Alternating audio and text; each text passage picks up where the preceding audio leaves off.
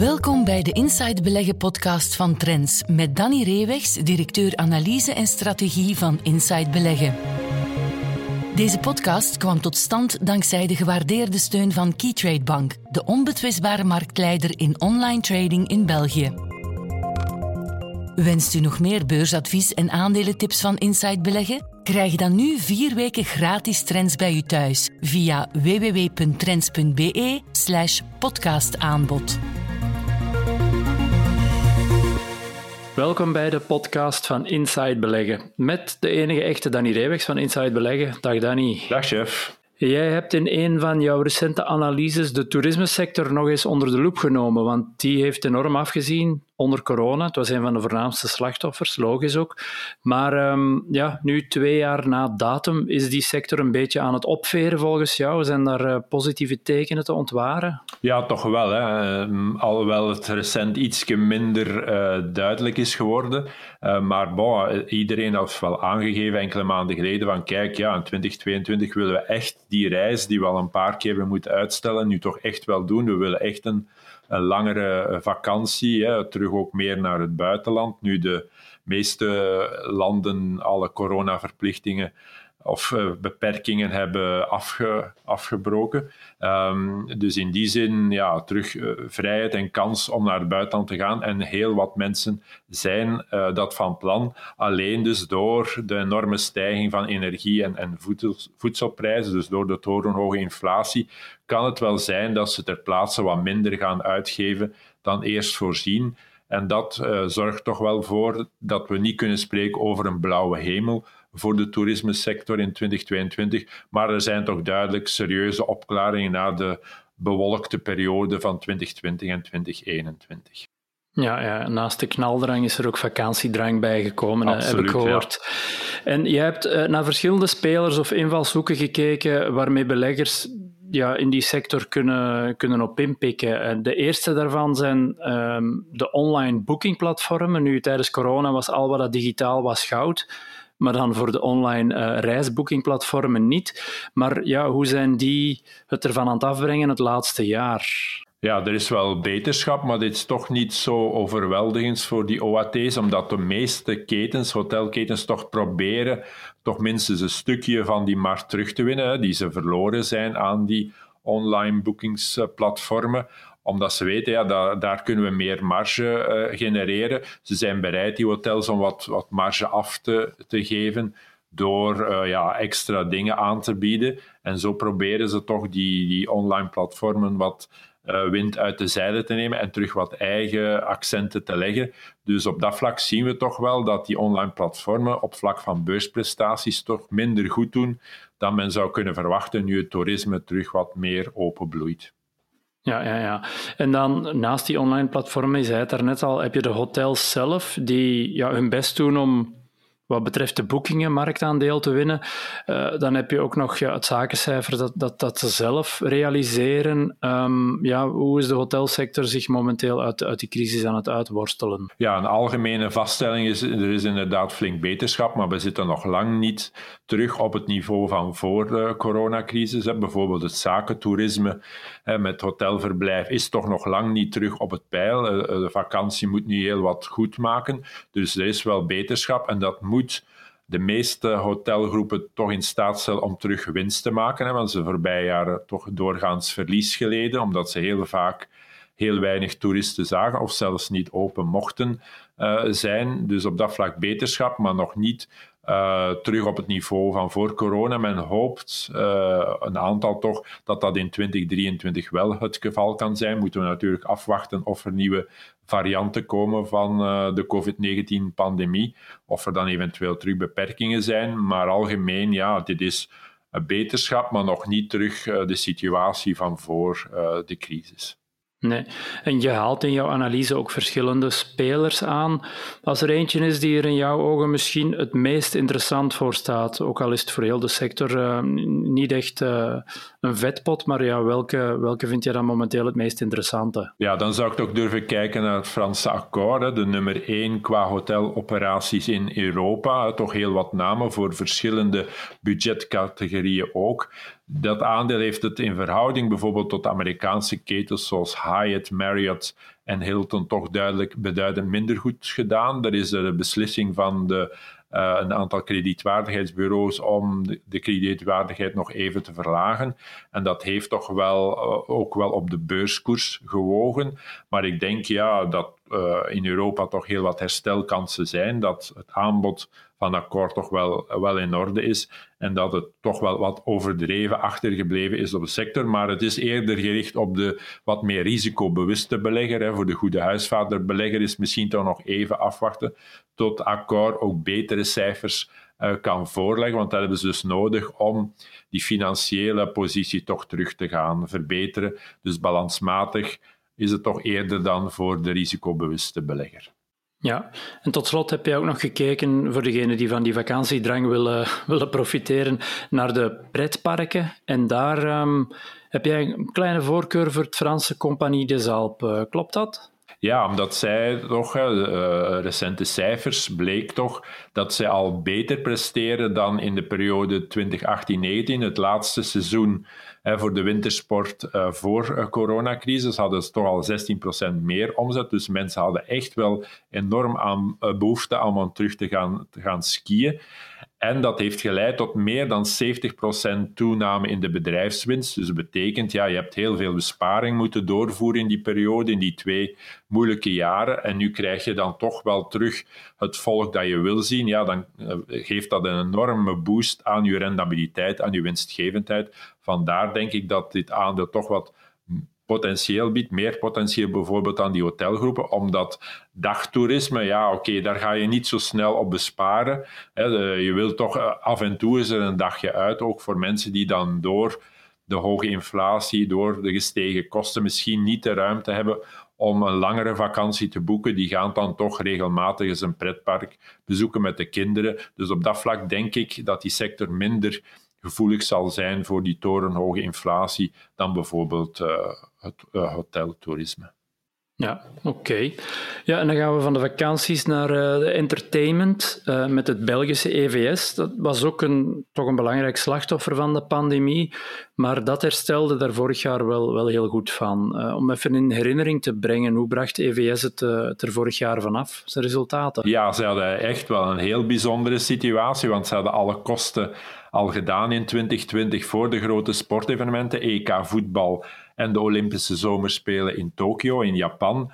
En dan ineens werden die evenementen uitgesteld, hè, eerst afgeblazen. Ja, dat had natuurlijk uh, eh, 2020 voor EVS grote gevolgen. Dat was eigenlijk een soort rampenjaar. Dat was nauwelijks nog winst. En dan hebben ze een spectaculair herstel kunnen optekenen in 2021. Want uiteindelijk zijn die twee grote sportevenementen wel degelijk kunnen, kunnen doorgaan en zijn die inkomsten kunnen geboekt worden.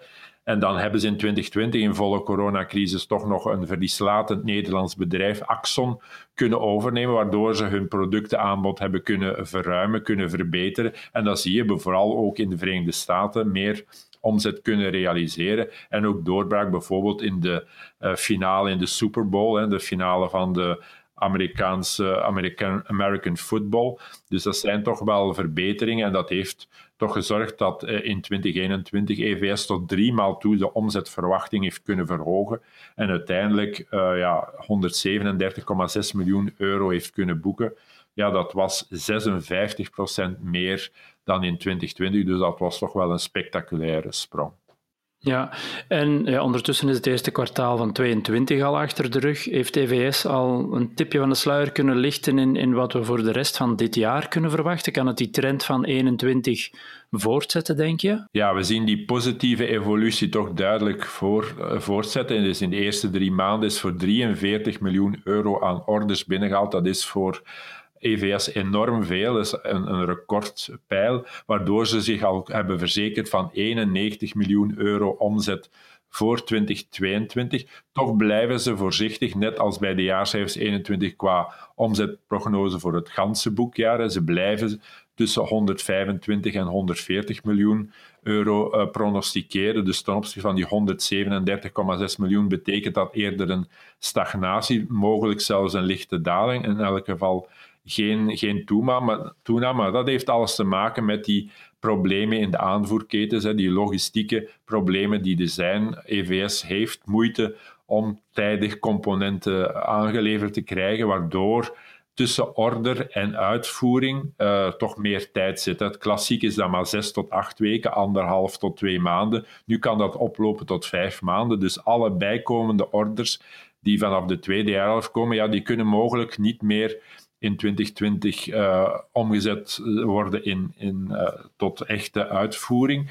Dus dat betekent dat een stuk misschien van die opgehaalde orders in 2022 pas in 2023 zullen uitgevoerd worden. Maar dat betekent natuurlijk dat er al een goede reserve is voor volgend jaar.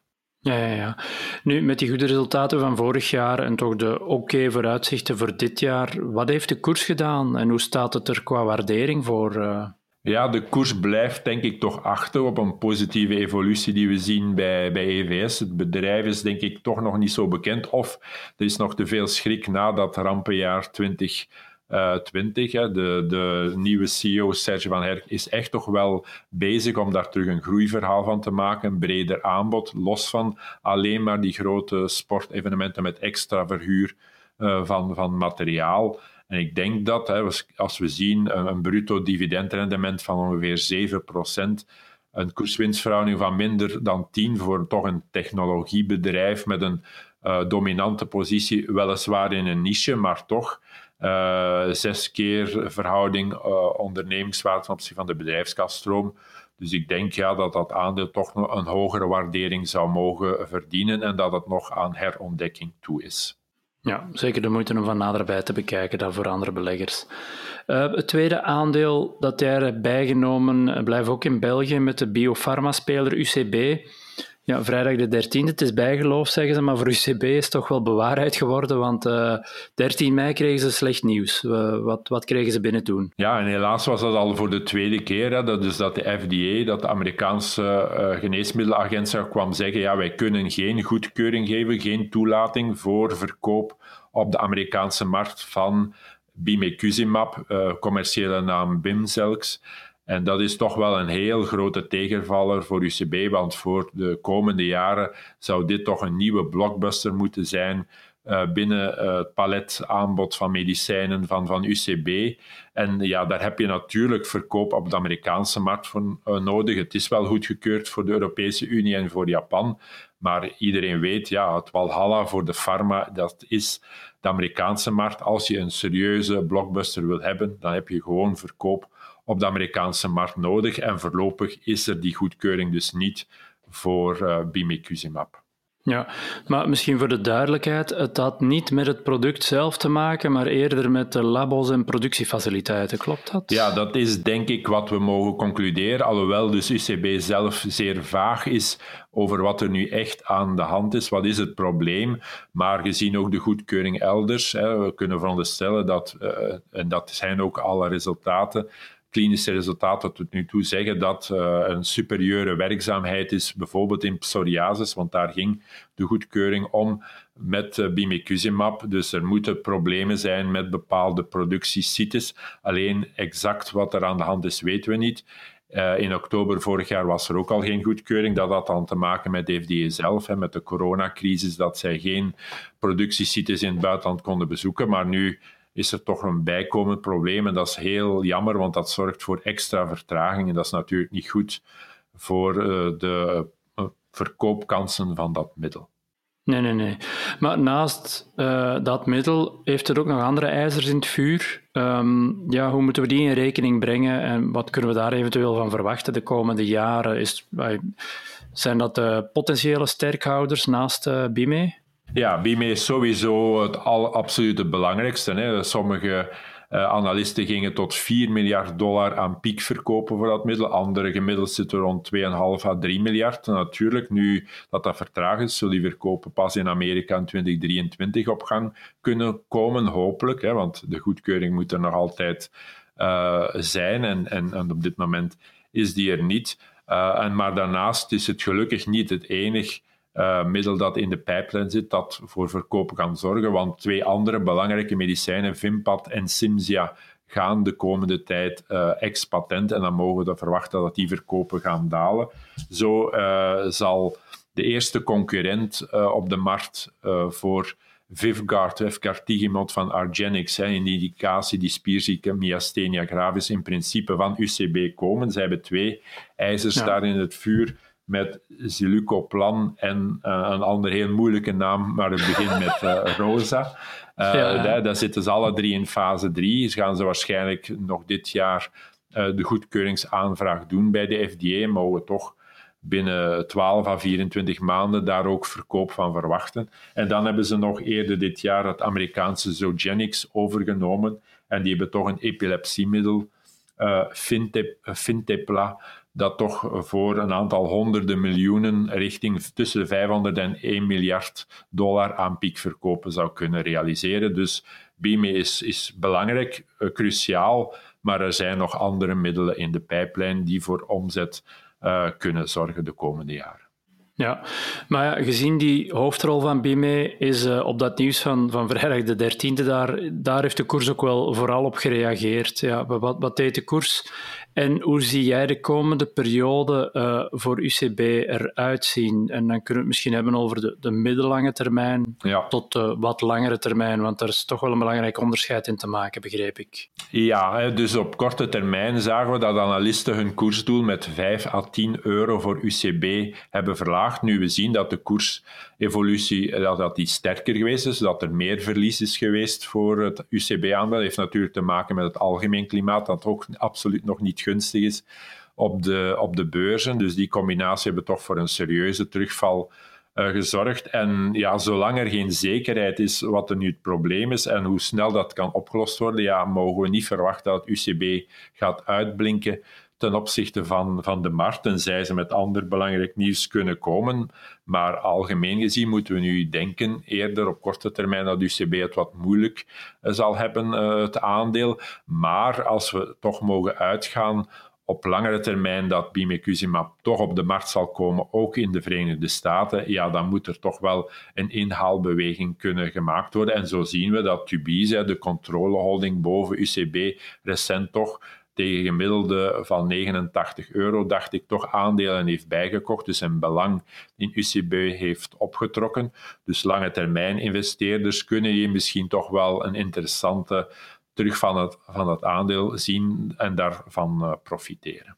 Ja, dus nog even de kat uit de boom kijken, maar zeker niet afschrijven. Goed, jij bent heel erg bedankt voor je, jouw tijd en inzichten daarover en graag tot volgende week. Graag gedaan, tot volgende week. Tot zover deze aflevering van de Inside Beleggen podcast. Meer tips, adviezen en analyses voor uw beleggingen leest u in Trends. Ga naar www.trends.be slash podcastaanbod en krijg vier weken gratis trends bij u thuis. Volgende week zijn we er opnieuw. Deze podcast kwam tot stand dankzij de gewaardeerde steun van Keytrade Bank, de onbetwistbare marktleider in online trading in België.